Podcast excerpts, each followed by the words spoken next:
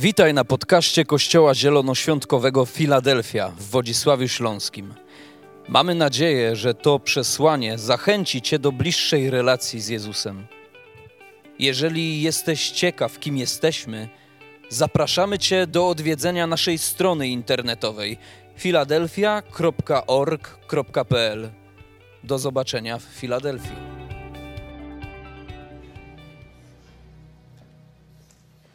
Dziękujemy Ci, że to jest Twój czas. Duchu Święty, zróbmy tutaj dzisiaj coś dobrego dla Bożej chwały i pomyślności tego ludu. Oddajemy Ci kolejne minuty. Przechadzaj się pośród nas w swoim namaszczeniu i mocy. Amen. Usiądźmy. Tak mam wrażenie od kilku niedziel, że odpuszczacie. Przynajmniej niektórzy. Nie czujcie się zadowoleni. Skoro przyszedłeś tutaj już, przyjechałeś przez te zaspy syberyjskie, wstałeś łaskawie, ogarnąłeś się. I w ogóle jesteśmy wdzięczni Panu Bogu, że tu przyszedłeś. To się angażuj. Bo mój Bóg i Twój Bóg jest godzien chwały. Jak słuchałem, te, teraz was obrażam pewnie, jak słuchałem, jak czytaliście tą deklarację, to sobie myślałem, Jezu, naprawdę to brzmi tak niewiarygodnie, to brzmi tak słabo, a Biblia mówi, żebyśmy z wiarą i pewnością rzeczy czynili. Jak masz doświadczać przełomów, jak nawet nie angażujesz się w to, co czytasz? Powiesz, pastorze, ja w to nie wierzę. Więc nie marudź, że jesteś pogrążony w długach i w ubóstwie. To nie znaczy, że wszyscy będziemy jeździli Mercedesami, ale to znaczy, że Biblia mówi, chleba naszego powszedniego Bóg chce nam dać. Bóg chce harmonii w tym, co doczesne. I dzisiaj też mówimy o harmonii. Wiecie, Bóg bardzo wyraźnie do nas mówi na przyszły rok. I powiem tak, zapnijcie pasy, bo Bóg nie da nam odpocząć. Dziękuję za dwa amen. Bóg nie da nam odpocząć, dlatego że pozostanie w miejscu, w którym jesteś, w którym ja jestem, równa się stagnacja i powolna duchowa śmierć. Dlatego, że w Królestwie Bożym jest ciągły ruch. I wieście mi, bądź też nie, nie wiecie jeszcze, co Bóg ma dla nas. I ile jeszcze, i tak naprawdę dopiero polizaliśmy tego deseru. Powąchaliśmy go dopiero. Bóg chce nas doprowadzić do takiego miejsca, w którym będziesz tak przeżywał Jego obecność, że grzechy, z którymi walczyłeś latami, po prostu zostaną przełamane tak. Rany, które miałeś latami, Twoja powściągliwa pobożność, którą praktykowałeś latami, kiedy Duch Święty na ciebie stąpi, ludzie nie, nie poznają Twojego entuzjazmu. Niedawno rozmawiałem z pewnym amerykańskim pastorem, Danem. Opowiadał mi, kiedy przyszło duchowe poruszenie na Florydę, do takiego miejsca, które się nazywa Pensacola. To była mała mieścina, do której cała Ameryka chrześcijańska zjeżdżała, aby przeżywać nawrócenie i pokutę ze swoich grzechów, ze swoich ułomności, ze, swojej, e, ze swojego chłodu. I mówi, on był takim powściągliwym, takim wiecie, no, zacnym. I mówi, kiedy moc Boża stąpiła na niego, cztery godziny leżał pod Bożą mocą. Mówi, ale kiedy wstał, był już kompletnie innym człowiekiem. O Saulu jest napisane i stąpi na ciebie Duch Święty i przemieni się kogoś zupełnie innego. A więc, moi drodzy, nie rezygnuj. Nie zadowalaj się dzisiaj Twoją pobożnością, w której jesteś i Twoją bliskością z Bogiem, bo dopiero powąchałeś tej malinki na tym torcie. Wiem, co mówię, bo parę rzeczy niektórzy z nas przeżyli. Pamiętamy takiego chłopa Istwutanaba. Pamiętacie Istwuda? Czarnoskóry kaznodzieja, z, nie wiem skąd tam był. Z Afryki, no, kosmita. Pamiętam, jak moc Boża stąpiła na mnie, to przez miesiąc nie umiałem oderwać się od Biblii. Czytałem, płakałem, śmiałem się, czytałem, płakałem, śmiałem się. Kiedy skończyłem, za chwilę po nią, po nią znowu e, sięgałem. Wiecie, nie mogłem się doczekać kolejnego spotkania Kościoła. Coś po prostu we mnie zaczęło na nowo wołać o więcej. Nowa pasja, nowe życie, nowa świętość. Wszystko było inne. I niektórzy z nas to poznali, co to znaczy spotkać się z Bożą obecnością. Wyznawać, e, prosić o przebaczenie jedni drugich. Wiecie, Bóg naprawdę ma wiele dla nas i nie możesz, nie możesz na litość boską zadowolić się tym, gdzie jesteś. A, dlatego, że diabeł chce cię okraść i powiedzieć, hmm, taki już jesteś. Tak już jestem, stary, czy, czy tam dojrzały, przepraszam. Stary, starość, to wiecie, że to jest stan umysłu. To nie jest PESEL. Dlatego, że starość to jest pewna postawa życiowa. Wczoraj oglądałem kawałek, bo, bo już było późno, nie chciałem też przesadzać, filmu o jednym z najbardziej znanych ludzi na świecie. Facet ma, nie wiem, 75 lat. Jest pokazany jego dzień. Ten człowiek dalej wstaje o 8 rano, dalej jedzie do swojej firmy, dalej ma cały kalendarz dnia wypełniony i dalej czyni tą ziemię lepszą. Stworzył fundację, dzięki której, dzięki której e, pomagają w Afryce wśród biednych dzieci, które umierają z powodu nieczystej wody i tak dalej, i tak. I tak sobie pomyślałem wczoraj go oglądając, to nie jest jeszcze o kazaniu, że ja tak chcę. Naprawdę chcecie iść na emeryturę i umrzeć przed telewizorem? Nie. W ogóle Biblia nie ma pojęcia emerytury, wiecie o tym. Mówię serio. Ja wiem, że niektórzy już się wybrali w wieku 50 lat, górnicy, ja to doceniam, ale ci nasi górnicy to, to są tacy, wiecie, aktywni górnicy, oni na emeryturze żyją po prostu. Ale jeżeli chcesz klapnąć, to my ci nie pozwolimy, bo jest więcej.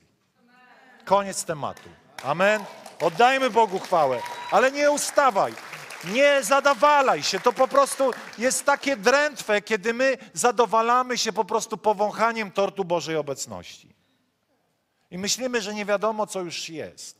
Kiedyś wymyśliłem takie, takie powiedzenie, bardzo ono mi się podoba, jest naprawdę świetne. Skromność to moja wrodzona cecha. E, wdzięczni za przeszłość, gotowi na przyszłość. Bądź wdzięczny, ale nieusatysfakcjonowany. Bądź wdzięczny za to, co doświadczyłeś od Boga, ale nie usatysfakcjonowany. Usatysfakcjonowany to taki syty, który już nic nie chce. A ja chcę. A ja jestem napalony na to, żeby Boga przeżywać dalej a ja nie chcę zgodzić z miejscem, w którym jestem. Jestem za nie wdzięczny Bogu, ale nie chcę. Ciągle chcę po prostu, mam apetyt na życie, choć to życie jest w pewnym rozdarciu między tym, co wieczne, a tym, co ziemne, ziemskie. Ciągle czuję się w jakiś sposób niekompletny, ciągle czegoś szukam, sam nie wiem, czego szukam, ale wiem jedno, że nie mam innego wyjścia, jak ciągle iść do przodu. Czasami się czołgam, czasami się, wiecie, tak ledwo, ledwo, ale chcę iść do przodu.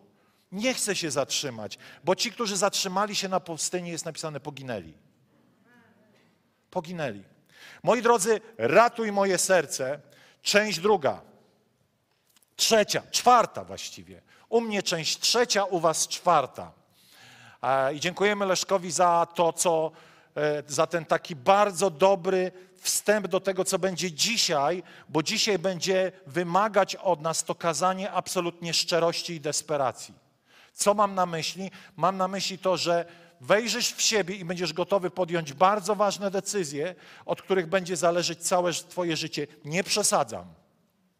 Nie przesadzam, dlatego że dzisiaj będziemy mówili o ludziach zranionych, którzy ranią innych.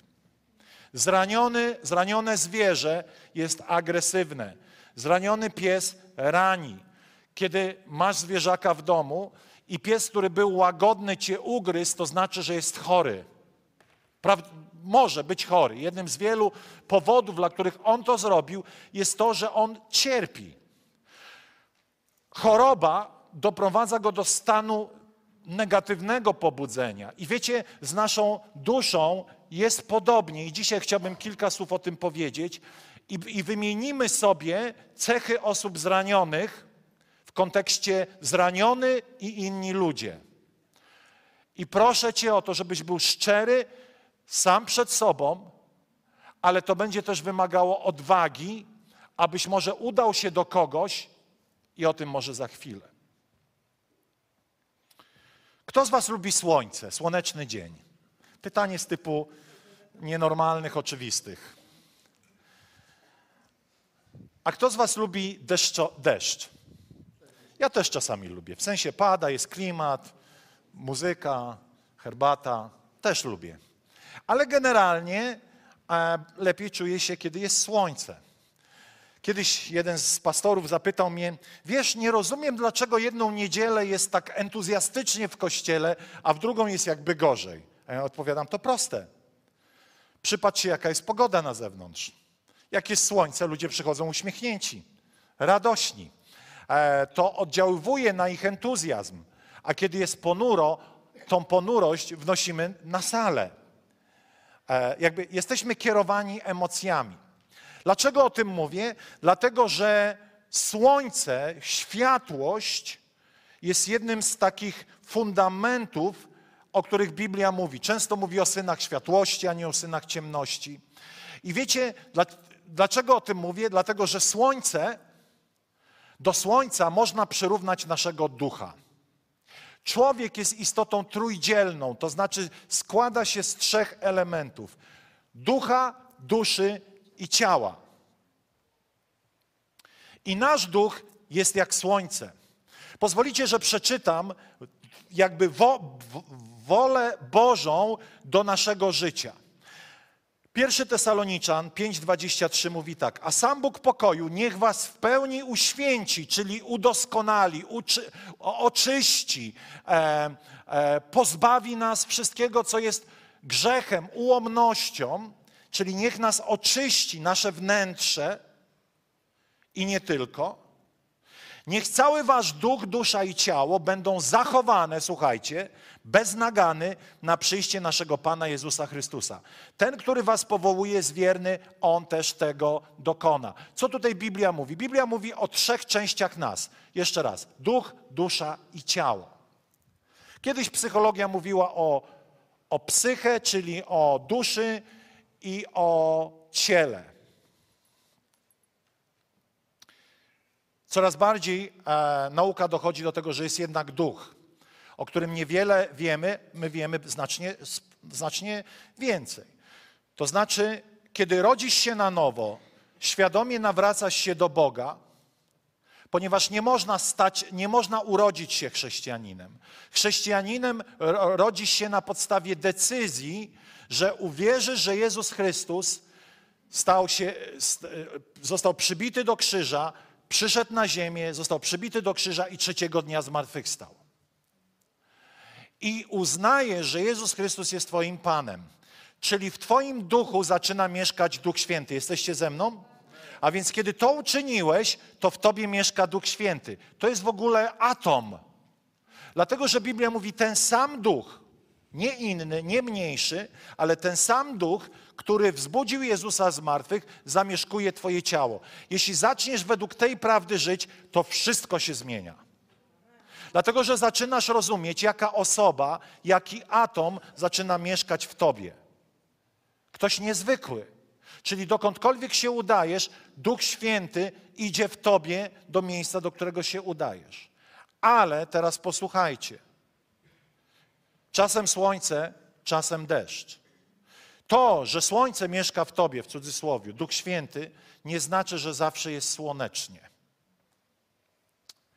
Co czyni, że nasze życie staje się jakby, co zasłania Ducha Bożego w naszym życiu, który ma oddziaływać na resztę, tak jak w świecie widzialnym to są chmury, burza, deszcz, tak w naszym życiu to są zranienia. Halo, tu ziemia. Zranienia w naszej duszy są jak chmury burzowe, w ogóle jak chmury, które zasłaniają wpływ słońca na nas całych. Był taki film Snowpiercer, który mówił o tym, że Ziemię okryły chmury. I wiecie, co się stało na Ziemi? Nastąpiła arktyczna zima. Gdyby chmury, nie jestem fizykiem ani przyrodnikiem, ale tak domniemam, wyobraźcie sobie, że non-stop, non-stop słońce nie ma dostępu do Ziemi. Co się dzieje? Prawdopodobnie Ziemia zamarza, tak sobie domniemam.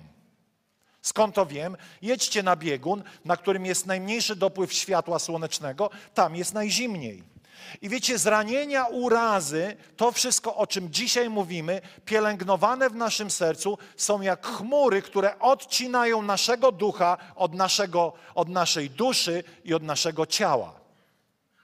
A więc Biblia rzuca nam śmiałe wyzwanie, abyśmy zadbali, abyśmy zadbali, zadbaliśmy w dniu nawrócenia o naszego ducha, jesteśmy wieczni, bez względu na to, jaka jest Twoja dusza, idziesz do nieba. Bo Twój duch, Twoja wieczna cząstka jest raz na zawsze odrodzona i ona po śmierci unosi się i idzie do wiecznego miejsca. Nie można jej zabić, nie można jej w tym momencie jakoś na nowo z powrotem e, zabrać do stanu sprzed nawrócenia. Twój duch został odrodzony, jest jak słońce, świeci stale. Ma w sobie doskonałość dzięki temu, że został odrodzony przez Ducha Świętego. Ta doskonałość powinna oddziaływać na moją duszę. Dlatego człowiek musi usunąć wszystko albo usuwać wszystko, co zagłusza komunikację, czy zagłusza wpływ między duchem a duszą. Na przykład to może być grzech. Nie tylko zranienie.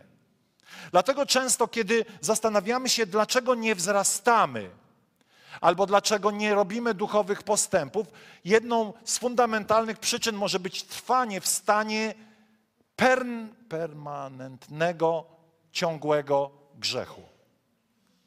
Nie mam na myśli upadku typu, nie wiem, wypił cztery butelki wódki, wstał rano skacowany, ale generalnie nigdy tego nie robi. Nigdy tego nie róbcie, bo byście umarli.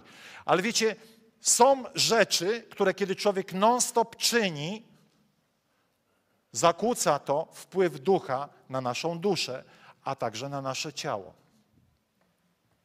I to są różne rzeczy, ale dzisiaj mówimy o jednym rodzaju, o zranieniach.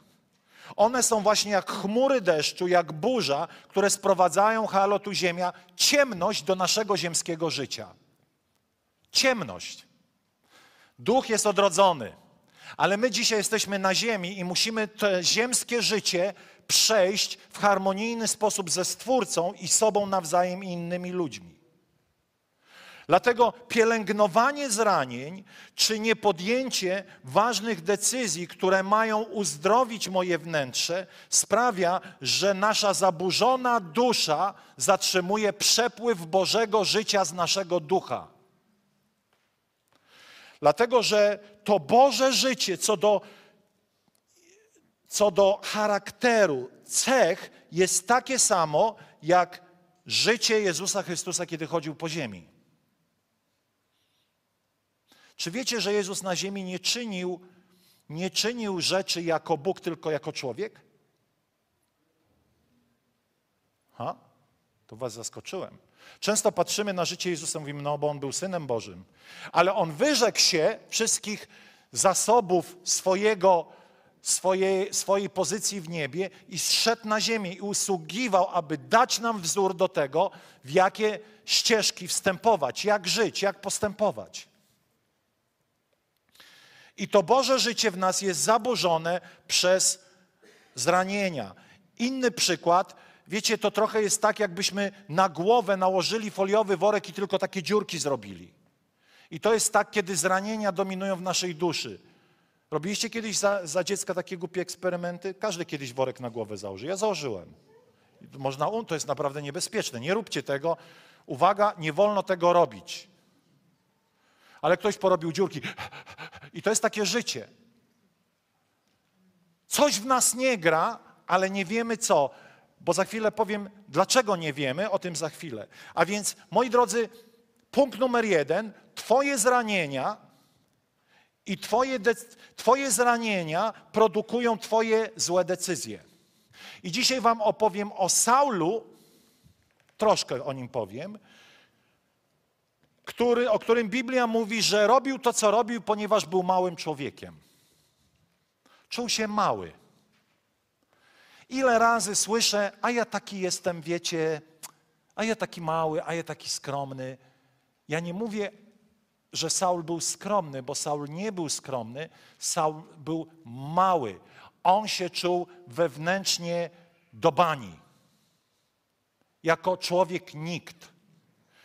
Dlaczego? Tego nie wiemy, ale prawdopodobnie to było żniwo jakiejś dysfunkcji w dzieciństwie, które go takim zaprogramowały.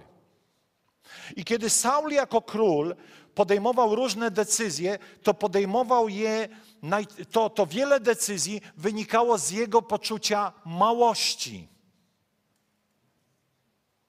Dlaczego? Dlatego, bo był zakompleksiony.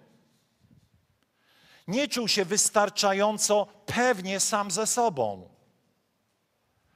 Wiecie, trochę podróżuję i widzę, ludzie, jak ludzie są przestraszeni rzeczywistości, przestraszeni samych siebie, a ja taki, ja wolę tak, ja wolę tak, a ja wolę tak.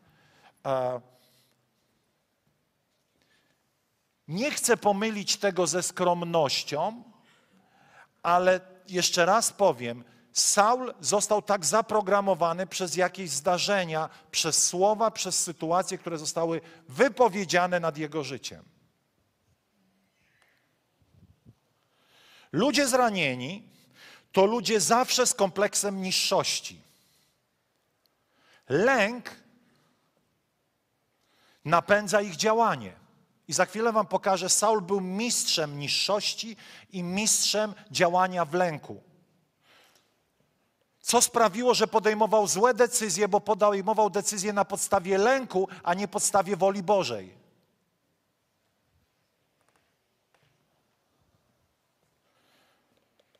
Nie potrafił ostatecznie wywiązać się z roli króla. Oto Samuel odwiedza, odwiedza po pewnej aferze, odwiedza Saula. Chodziło o to, że Saul miał wszystkie dobra po jednej z konfliktów, wszystkie dobra, złoto i ludzi. Przepraszam, muszę to powiedzieć w dobie po prostu, że wszystko musi być ładne i delikatne. Miał wszystkich pogańskich wojowników wymordować i nic nie zabrać. A co robi Saul? Saul jest niekonsekwentny z powodu jakichś lęków i zostawia Agaga, króla i chyba chłopca. Zostawia ich. I Samuel jako prorok mówi Saulu. Pan powiedział, że nie mieliście nic wziąć. Saul z racji swoich kompleksów robił rzeczy po swojemu, czyli podejmował złe decyzje. I co jest napisane? Wtedy Saul powiedział do Samuela: Zgrzeszyłem, ponieważ przekroczyłem polecenie Pana oraz słowo Twoje. To dlatego, że bałem się ludzi i posłuchałem ich głosu. Teraz jednak odpuść mi proszę mój grzech i zwróć, zwróć, zawróć ze mną, bym pokłonił się Panu.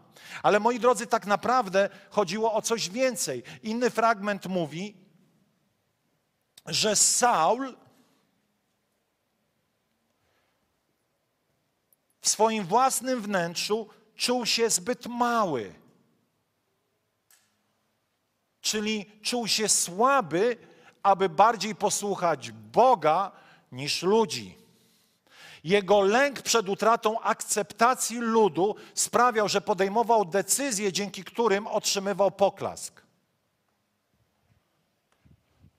nie czuł się wystarczająco silny sam ze sobą, aby umieć podejmować właściwe decyzje, bo tak jak powiedziałem, Samuel mówi, kiedy cię powoływałem, to czułeś się mały. Nie mały w sensie skromny, ale zakompleksiony, czujący się jak pan nikt. Ile razy to słyszymy kazania o tym, że jesteśmy dziećmi Bożymi, cudownymi, ukochanymi, ale gdybyśmy poszperali w swojej własnej duszy i spojrzeli w swoje myśli o poranku każdego dnia albo co drugiego dnia, jak źle myślimy o sobie.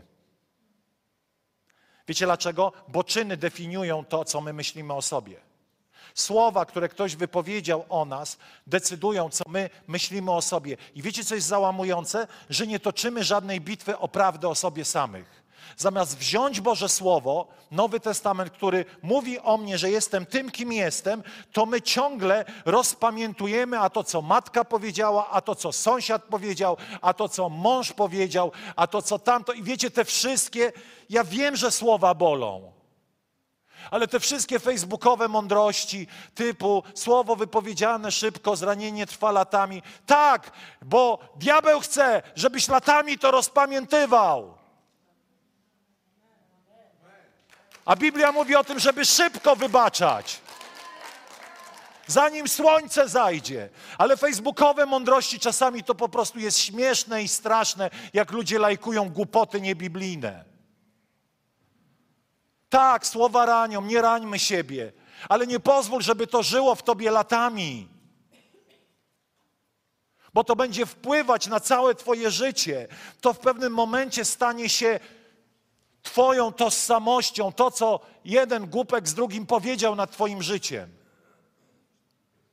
Zrzuć to, strząśnij. Prawda? Saul nie potrafił się z tym rozprawić. Bał się bardziej, dlatego posłuchałem bardziej ludzi, ich głosu. Dlatego podjąłem decyzje złe, bo szukałem akceptacji u ludzi. Ludzi mamy kochać, ale szukać akceptacji u Boga. To jest niezwykle ważne. Nie możesz pominąć tego, co powiedziałem na początku. Nie możesz nie kochać ludzi i mówić, a co mi tam ludzie, ja słucham Pana. Kochaj ludzi, ale staraj się przypodobać Panu. Kiedy nie kochasz ludzi, a próbujesz przypodobać się Panu, jesteś arogancki i zadufany. Więc musisz kochać ludzi, ale przypodobać się Panu. Saul tego nie potrafił. Ale idziemy dalej, bo to, bo to, to są, wiecie, drobne sprawy. To, można powiedzieć, nie jest nic takiego wielkiego. Nagle okazuje się, co dalej robi Saul. Moi drodzy, ludzie zranieni, tak jak Saul, czują się zagrożeni przez lepszych od siebie. Oto Saul wzywa, Dawi- znaczy pamiętamy historię o Goliacie, albo nie pamiętamy, to wam opowiem. Był wielki, wielki, wielki zbój, nazywał się Goliat, wszyscy się go bali, przyszedł trochę z przypadku Dawid. Dawid miał go pokonać w zbroi, zdjął tą zbroję, bo mu nie pasowała, wziął proce i rozwalił czaszkę Goliatowi. No i zdobył, i, i, na, i, nastąpiła chwała i sława, i ludzie zaczęli śpiewać piosenki o Dawidzie lepsze niż o Saulu, który był wtedy królem. I co robi król? Sa Saul, gdy byłby zdrowy emocjonalnie, by powiedział tak: Super, to jeden z moich ludzi. Zobaczcie, jakiego mam podładnego. Jest lepszy ode mnie. W moim królestwie rosną tacy czempioni. Ale ponieważ on był zakompleksiony, przestraszył się, poczuł się zagrożony. Jeśli nie potrafisz szczerze cieszyć się z sukcesów innych ludzi, Houston, mamy wielki problem. Dlatego pamiętam historię, kiedy liderzy jakichś wspólnot czuli się zagrożeni, kiedy ktoś lepiej kazania głosił. To mu nie pozwalali głosić. Albo ktoś prowadził lepiej uwielbianie, to lider uwielbienia nie, prowadził, nie pozwalał mu prowadzić uwielbienia. Może się z tego śmiejecie, ale to są prawdziwe historie.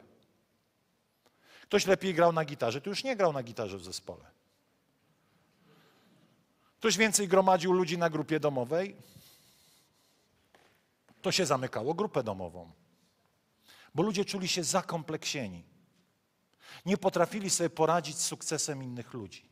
Jeśli chcesz być zdrowy, a nie, nie potrafisz sobie poradzić z sukcesem innych ludzi, to słuchaj tego kazania dalej.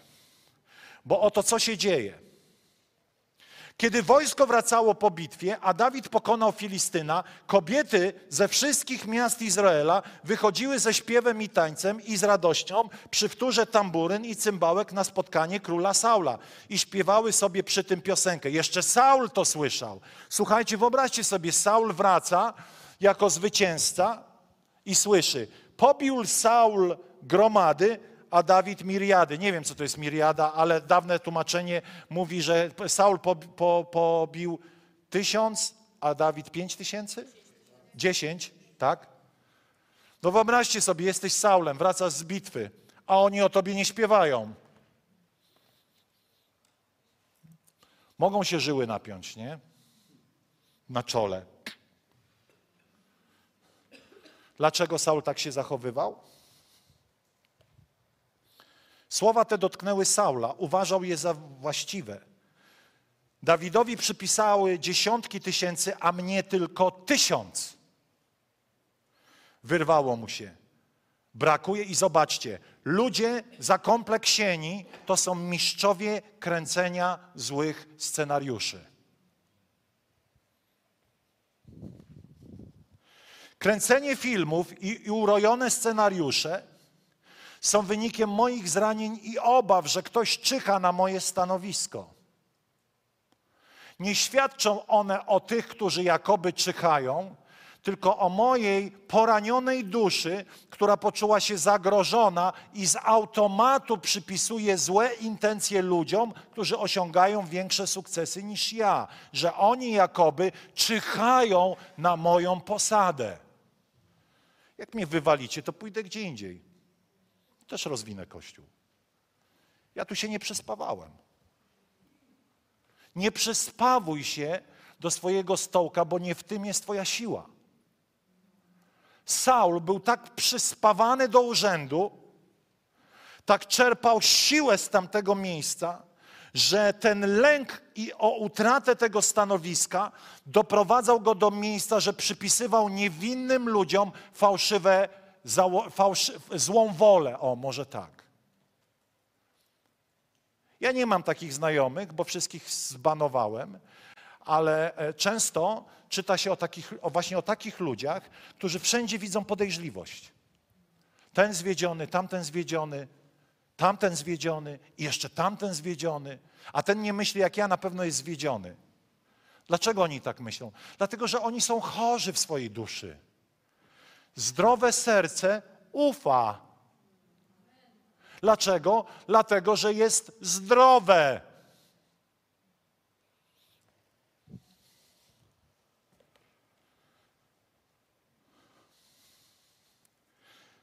To uwalnia tak zwany cykl bólu. Poczucie niższości powoduje niezależność i poleganie na sobie.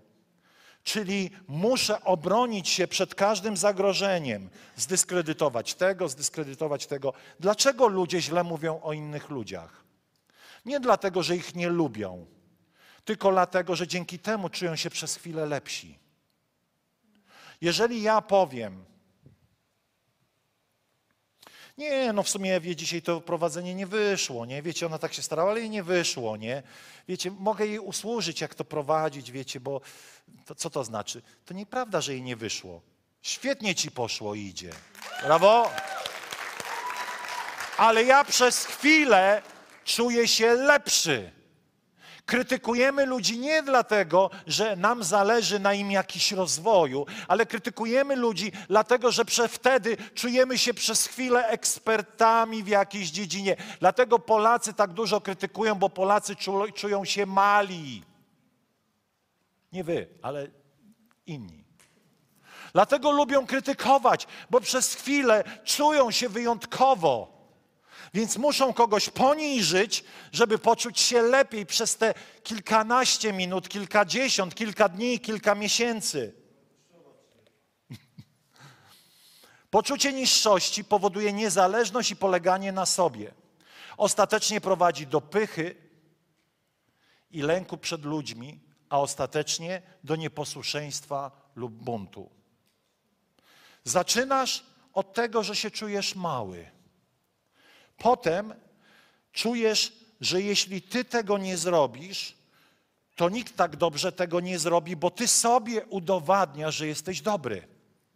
Ale w tym wszystkim nie pozwalasz, aby ktokolwiek wszedł do Twojego świata. Dlatego w kościołach jest tyle problemów, bo ludzie, którzy coś robią w kościele, mając chore dusze, czują się zdruzgotani, kiedy pastor zwraca im uwagę. Oni nie potrafią przyjąć, dlatego że oni jakby czują się, e, że ktoś wtyka ręce w ich sprawy.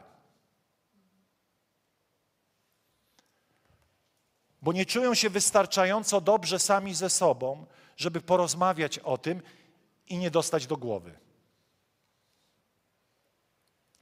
automatycznie wszystko biorą bardzo do siebie. Dlaczego? Że, dlatego, że dusza ciągle jest krwawiąca. Krwawiąca dusza przesadnie reaguje na wszelkie uwagi. I nie mam na myśli kogoś, że ktoś jest wrażliwy, ale może jesteś wrażliwy, bo jesteś krwawiący. Tak, Gosia, to jest ten moment. Zobaczcie, jak Biblia nas przestrzega, przestrzega, abyśmy odrzucili ten sposób postępowania. Bo ci, którzy według ciała kierują się tym, co cielesne, to zaś ci, którzy, yy, przepraszam, list do Rzymian, bo ci, którzy według ciała są według ciała, kierują się tym, co cielesne. A więc dlatego w kościołach może być tylu chrześcijan cielesnych, bo oni reagują cieleśnie, czyli według zranień. Zranienie jest cielesnością. Może inaczej, pielęgnowanie urazy jest cielesnością. Dlatego, że jeśli masz mózg, masz serce, to dotykają cię różne rzeczy. Ale teraz od ciebie zależy, czy nadasz temu cielesność poprzez to, że, te, że tej osobie nie wybaczasz. Pielęgnowanie urazy jest cielesnością i prowadzi do cielesnych postaw, cielesnych decyzji, cielesnych zachowań. Bo to, ku czemu dąży ciało, sprowadza się do śmierci. Słuchajcie, kiedy postępujesz cieleśnie, to sprowadza śmierć za życia. Żyjesz, a jesteś trupem. Żyjesz, a po prostu Twoje ciało doświadcza śmierci.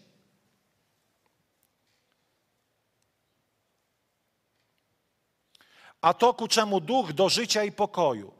Stąd cielesne dążenia są przeciwne Bogu. Nie poddają się one prawu Boga, nawet nie są w stanie. Ci zaś, którzy są według ciała, Bogu podobać się nie mogą. Bogu podobać się nie mogą.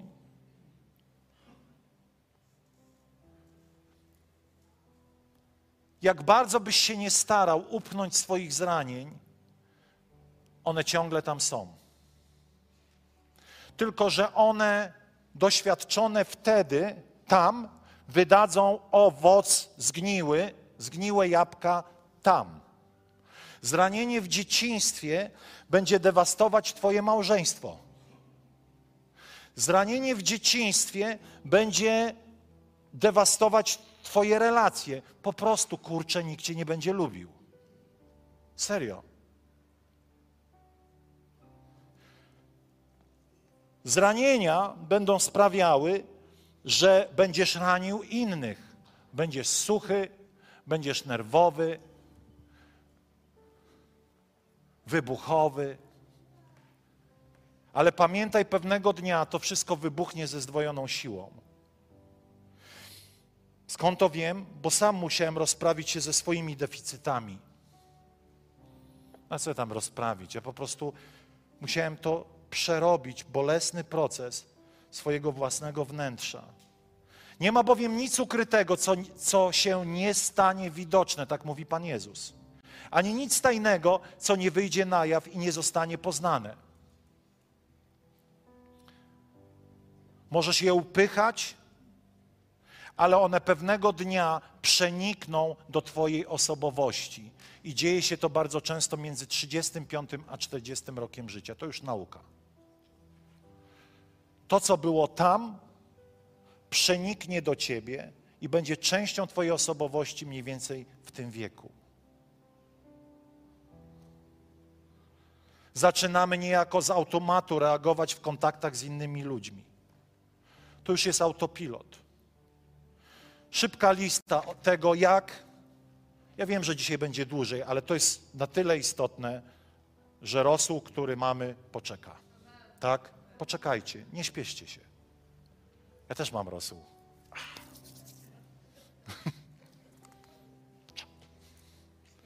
Jak się objawiają nasze zranienia w wieku dorosłym? Posłuchajcie. Wycofanie lub izolacja. Niestety, kiedy jesteśmy poranieni w naszej duszy, unikamy ludzi. Wystarczy, że nie jest po naszemu, Albo inaczej, unikamy ludzi, bo boimy się kolejnych zranień. Biblia mówi, że zraniony brat jest jak gród warowny. Ile razy słyszałem, pastorze, zostałem tyle razy zraniony, dobrze mi samemu. Nieprawda, nie daj się na to nabrać, bo ciągle i ciągle to w tobie jest. Wcale ci nie jest dobrze, bo gdy będziesz szczery sam ze sobą, to wiesz o tym, że są momenty wieczorem, nie wiem, w momentach, kiedy jesteś sam, jak myślisz, jak tobie jest źle. Ale dalej idziesz tą drogą izolacji, czyli właśnie wznoszenia murów obronnych, właśnie budowanie podejrzliwości. Cóż, czy naprawdę ludzie są bezinteresowni? Ludzie poranieni zawsze stwarzają taką teorię, że w kościele są jakieś kliki, elity. Dlaczego? Bo są, mają small mind, mały umysł, który jest poraniony i który czuje się niegodny sam w swojej własnej głowie. Co mi, co mi tam do tych wielkich? No właśnie dlatego, że czujesz się mały i nie chcesz zrobić krok do przodu. Nie chcesz awansować do ekstraklasy, która jest dla każdego. Mam na myśli ekstraklasa równa się dojrzałość duchowa. Bycie jak Jezus. Czy coraz bardziej bycie jak Jezus. Ale także ludzie ci są zaborczy. Mają jednego, dwie osoby, tylko z nimi się trzymają i czują się zagrożeni, kiedy ktoś się chce zbliżyć do ich znajomych. Basiu, ty wczoraj spotkałaś się z Kasią. Już mnie nie kochasz, nie jesteśmy przyjaciółkami? Serio? Ty musiał harakiri popełnić chyba. Bo zawsze ktoś z moich znajomych spotyka się z innymi znajomymi. I powiem wam, że macie do tego prawo. Macie do tego prawo. Jesteście wolni. Możecie spotykać się z kim chcecie.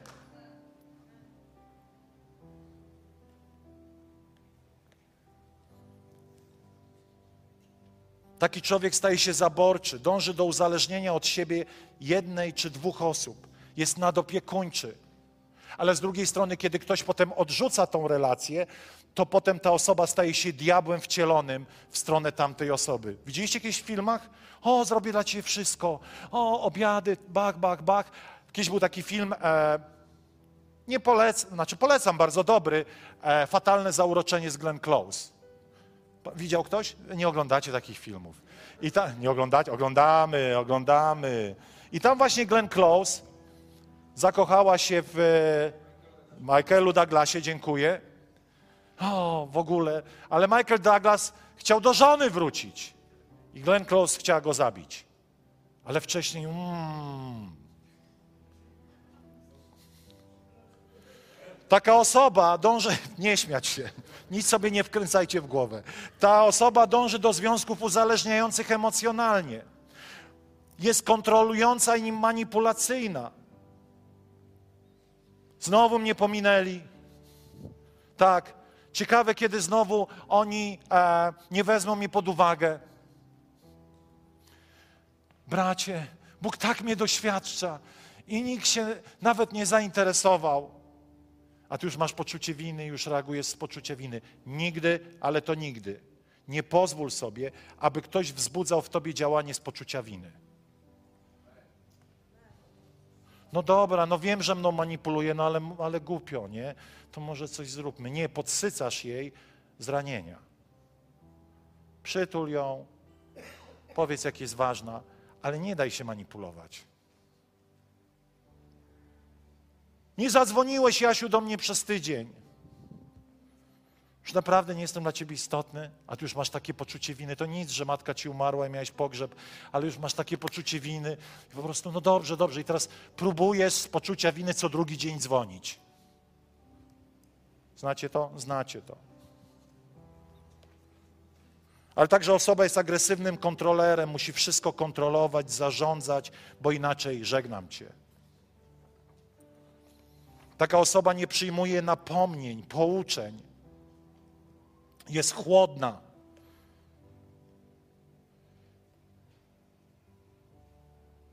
Jak kłoda. Dlaczego? Dlatego, że się ob, obmurowaliśmy. Nie dopuszczamy niczego. Ale prawda jest taka, że żeby wzrastać, potrzebujesz życiowy, życiodajnych opinii innych ludzi. Napisałem też taki post kiedyś, że ludzie często mówią: Nic mnie nie obchodzi, co myślą o mnie inni, a mnie obchodzi. W tym sensie obchodzi mnie, co myślą mądrzejsi ode mnie. Obchodzi mnie, co myślą lepsi pastorzy ode mnie. Obchodzi mnie, co myślą lepsi rodzice ode mnie. Obchodzi mnie, co myślą lepsi tatusiowie, mamusiowie, mężowie, od których mogę się nauczyć. Którzy mogą mi powiedzieć: Nie rób tak. To nie jest dobry pomysł. Dlatego, że Biblia mówi, kto jakby usłuży osobie błądzącej, zawrócił ją z błędnej drogi. Ale ludzie toksyczni, poranieni, nie przyjmują takich rzeczy. Nie potrafią przyjąć miłości, akceptacji, ani jej dać. Ciągle potrzebują, żeby ich dowartościowywać, poklepywać po ramieniu, ciągle mówić o, o uznaniu i tak dalej, i tak dalej. No idź go pochwal, bo on ma doła. O, Jasiu, wiesz, świetnie to zrobiłeś. Czy to znaczy, że nie mamy się chwalić? Mamy się chwalić, ale nie możemy chwalić ludzi z poczucia winy, bo ktoś ma focha. Rozumiecie różnicę? Chwalę, bo jest to częścią kultury tego kościoła. Bo wyjdziemy i dostaniemy w głowę po prostu brutalnością tego smutnego, przygnębiającego życia. Dlatego potrzebujemy dodawać sobie wartości, ale nie na podstawie tego, że ktoś fochuje.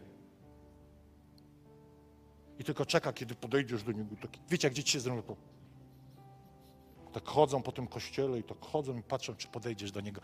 Co ci jest, Basiu? A Basia czekała cały dzień, żeby zwrócić na siebie uwagę. Jakie to jest słabe. Czują się niekochani.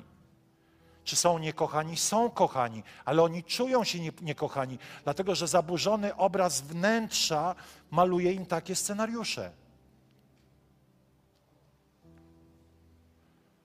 Bo nie czuli się kochani na przykład przez rodziców. Rodzice ich kochali na swój sposób.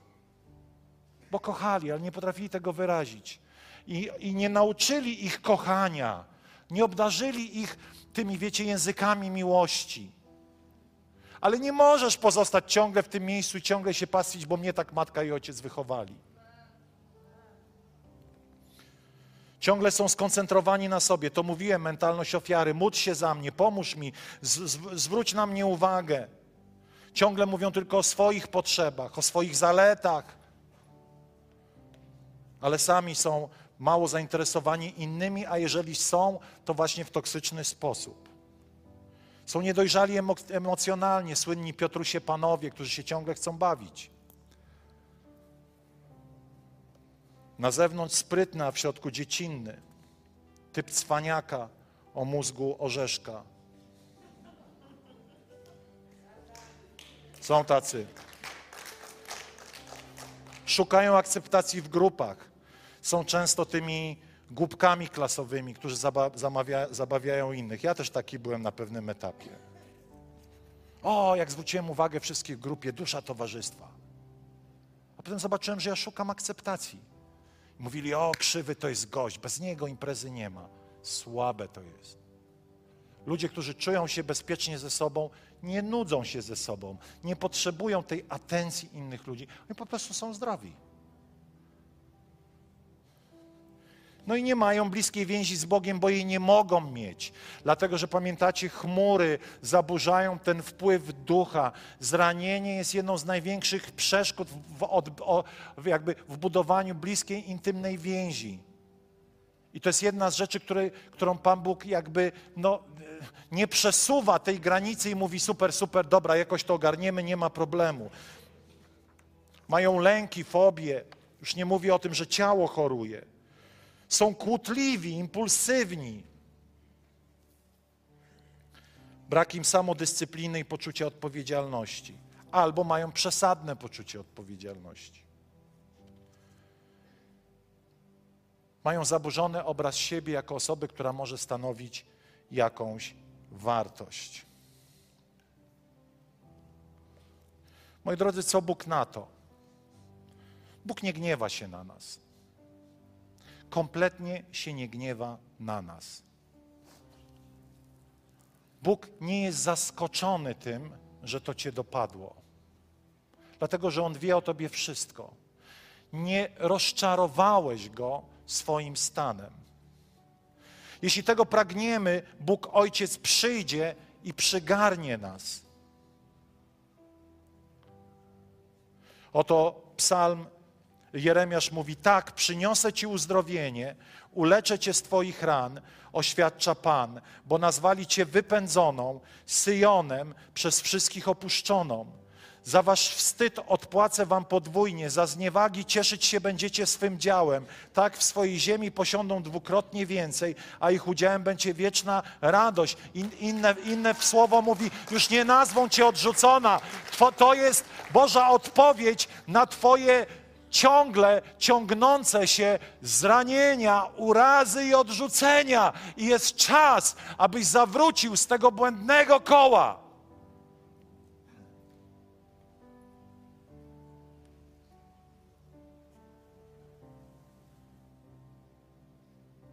Bóg nas nie sądzi, ale doświadczamy tego, co siejemy. Wiecie o tym? To jest bardzo ciekawe. Często myślimy, że kiedy żyjemy w urazie, to Pan Bóg w tym momencie wychodzi i mówi: Pioruny na nią, na niego. Nie, następuje tak zwane prawo siania i zbierania. Czyli co człowiek sieje, to i rządź będzie, i to jest prawo, które Bóg ustanowił, i on się do niego nie miesza bo ono jest prawem.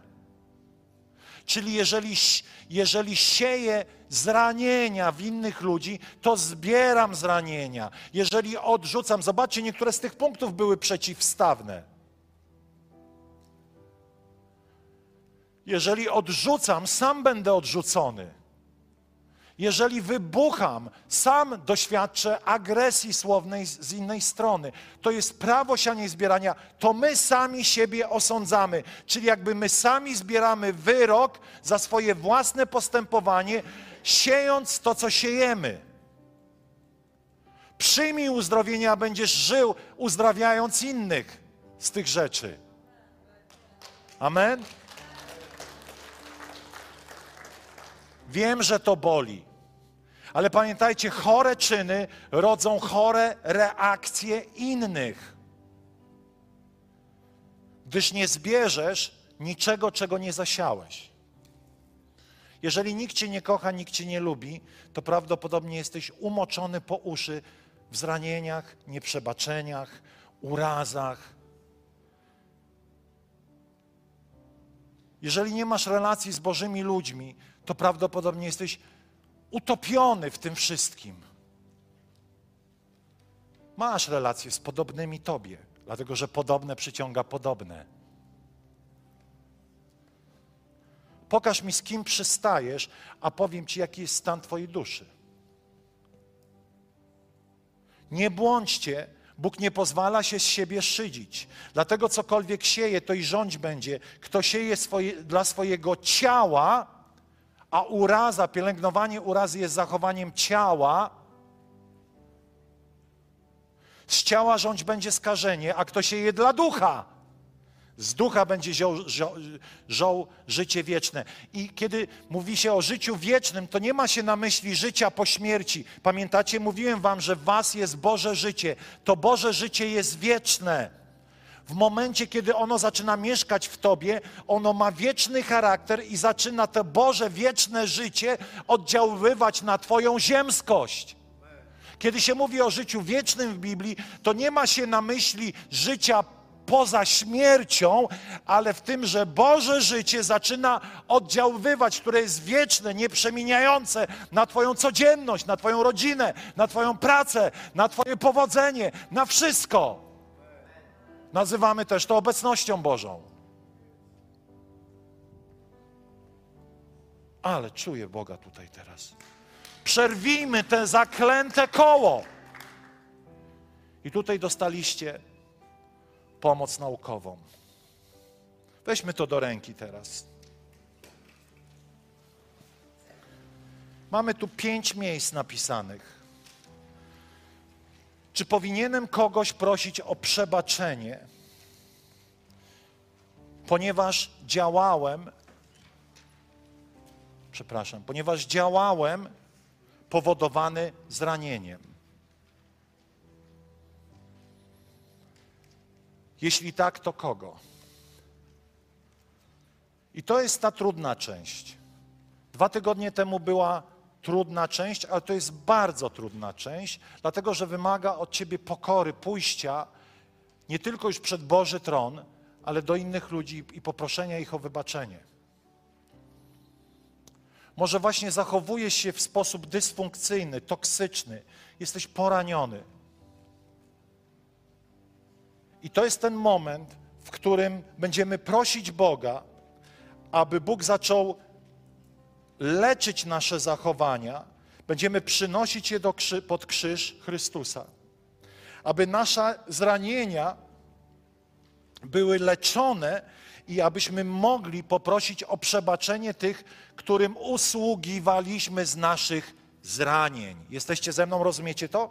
Że kiedy jesteś zraniony, nie możesz wybra- wy- wydać dobrego owocu.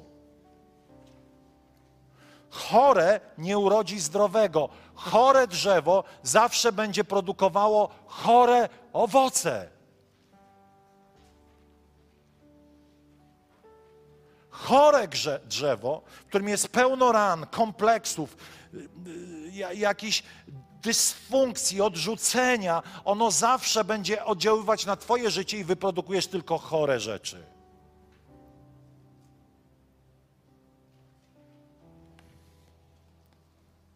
Kogo powinieneś poprosić o przebaczenie? Możesz wpisać sobie te pięć osób, które Pan Bóg Ci teraz pokazuje przez Ducha Świętego. Panie, modlę się teraz. Modlę się teraz. To jest moment, w którym potrzebujemy może pierwszy raz być szczerymi przed samymi sobą. I powiedzieć, nieważne jak będę się czuł, ale pójdę do tych ludzi i ich poproszę o wybaczenie.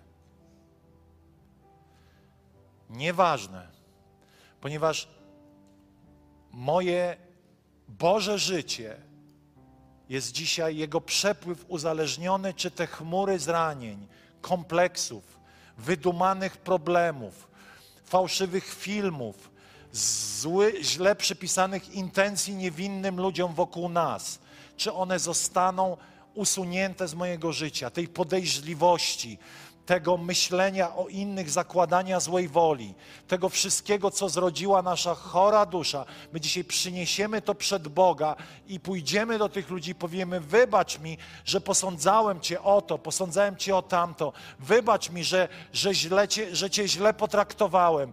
Wybacz, że źle o Tobie mówiłem. Wybacz, że obgadywałem Cię. To wynikało z mojej małości, z moich kompleksów, z mojego po prostu zagubienia. A Ojciec, który jest pełen miłości, miłości dzisiaj mówi: przyjdź synu, przyjdź córko, czekam na ciebie.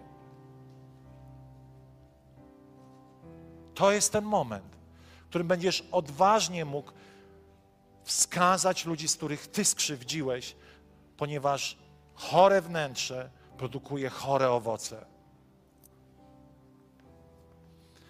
Ale może dzisiaj przyszedłeś na to miejsce pierwszy, drugi, piąty raz i zastanawiasz się, czy jesteś chrześcijaninem.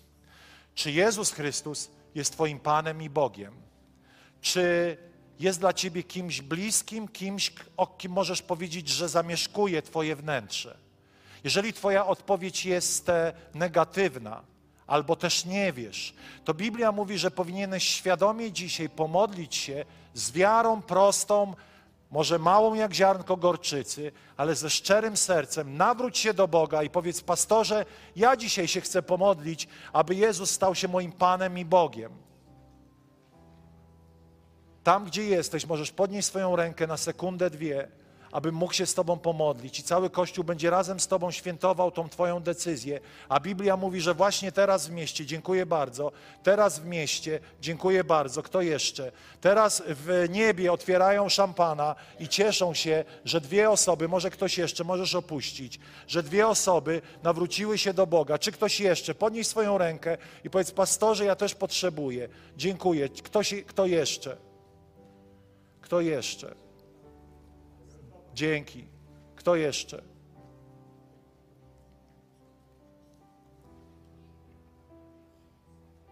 Powtarzaj za mną tam, gdzie jesteś. Może dzisiaj w ciszy, ale szczerym sercem. Tu nie chodzi o rytuał.